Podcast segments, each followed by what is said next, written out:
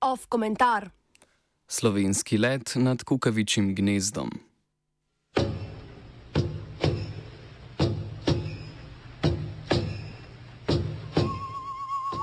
Pred dvema tednoma je portal NN objavil članek, v katerem je razkril pričevanja o nasilju na Univerzitetni psihiatrični kliniki Ljubljana. Članek obravnava izpovedi več anonimnih hospitaliziranih oseb, zaposlenih, nekdanjih zaposlenih, svojcev pacijentov in drugih. Anonimni posamezniki trdijo, da so bili žrtve oziroma priče nasilnih izbruhov zaposlenih na kliniki, ki so jih pacijenti z duševnimi motnjami v akutnem stanju preveč vrgli iz tira.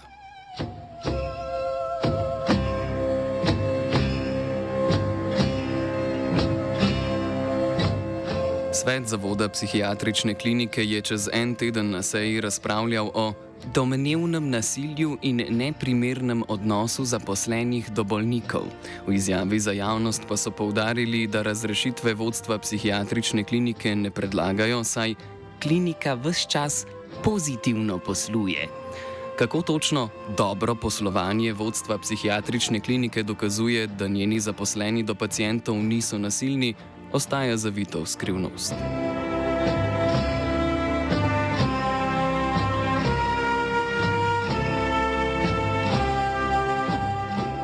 Oster napad na vodstvo klinike je zdravstveni minister Daniel Bešič Loredan izvedel šele po zloglasni izjavi direktorja klinike Bojana Zalarja, ki je izjavil, citiramo, Pred 20 leti je bilo prijavljenih 10 spolnih zlorab, 9 jih je bilo resničnih.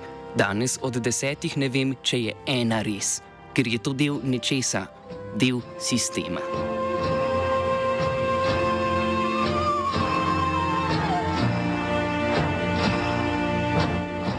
Prav ta izjava je bila za slovensko politiko kapljica čez rob. Zdravstveni minister pa jo je navedel kot razlog za poziv Zalarju k odstopu. Zaskrbljujoče je, da je minister direktorja pozval k odstopu šele, ko si je privoščil izjavo, ki bi jo lahko v najboljšem primeru lahko.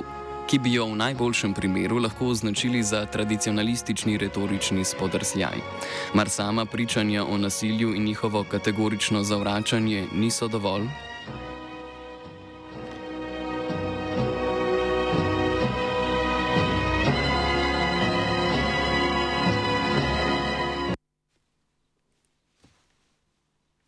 Vlada je pred skoraj mesecem dni sicer sprejela predlog novele zakona o duševnem zdravju, ki zagotavlja varnost človekovih pravic in popravlja neustavnosti, ki jih je sodišče ugotovilo že davnega leta 2015 in 2019.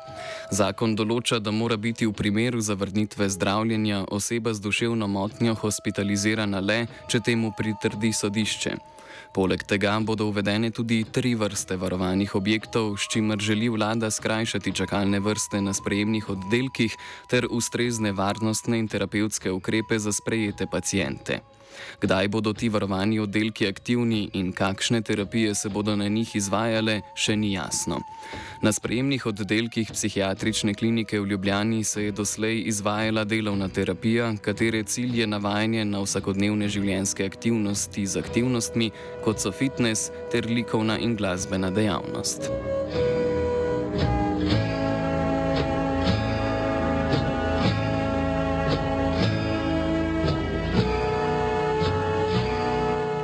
Na psihiatrični kliniki so zaprti ljudje s hujšimi oblikami duševnih motenj, posamezniki po poskusih samomora in osebe, ki so zaradi psihičnih motenj nevarne sebi oziroma okolju. Znaten del teh pacijentov ima osebnostne, mot osebnostne motnje, ki jih ni možno zdraviti z zdravili, temveč zgolj s primerno obliko psihoterapije.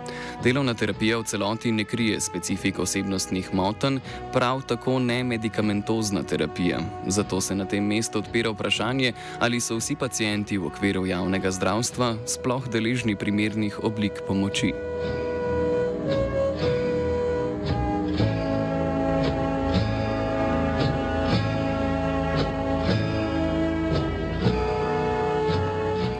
Na Ministrstvu za zdravje so aprila začeli govoriti tudi o predlogu zakona o psihoterapiji. Zakonom bi uredili, kdo lahko izvaja psihoterapijo, torej področje, ki je v Sloveniji trenutno neregulirano.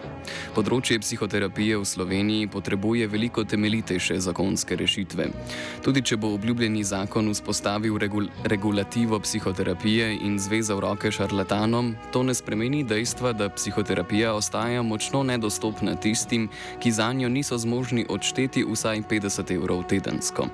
Na Centru za mentalno zdravje sicer obstajajo programi izvajanja psihoterapije, posebej za bolnike s hudimi primeri nevrotičnih in psihotičnih motenj.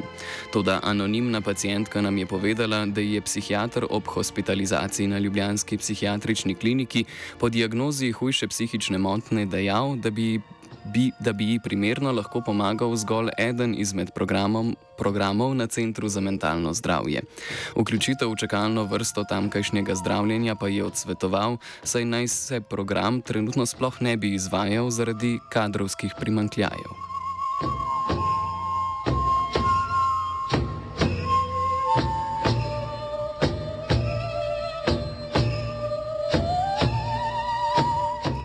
Ministrstvo za zdravje večjega vključevanja psihoterapije in krepitve kadrov na področju psihoterapije zaenkrat ne obljublja, dosedanje ravnanje pa na to niti ne kaže.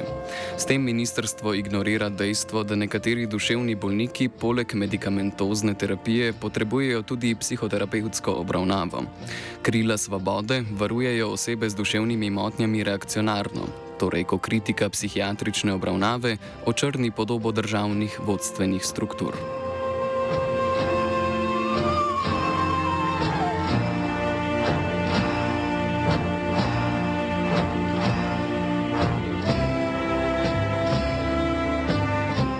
Nereševanje kadrovske krize v sferi psihiatrije kaže na sistemsko zanemarjanje pacijentov z duševnimi motnjami.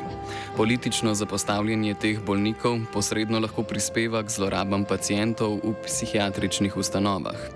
Najlažje je okriviti posameznike, naj si bo to direktor, ki ga krivi minister, ali pacijenti sami, na katere je z izjavo krivdo preložil direktor sam. Pričevanje zlorabljenih pacijentov na Ljubljanski psihiatrični kliniki sicer po eni strani lahko odražajo totalno naravo delovanja tovrstnih ustanov, a po drugi strani jih lahko razumemo kot simptom dolgotrajnega zanemarjanja duševno obolelih državljanov na ravni državnega sistema. Lahko je obsojati vodstvo klinike, ko pričevanja o zlorabah pridejo na dan. Veliko težje pa je prevzeti politično odgovornost za dogodke, k katerim prispevajo državne politike same.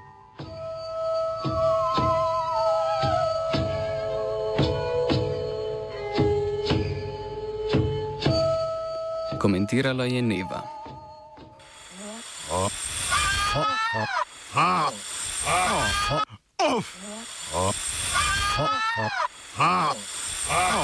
Off komentar.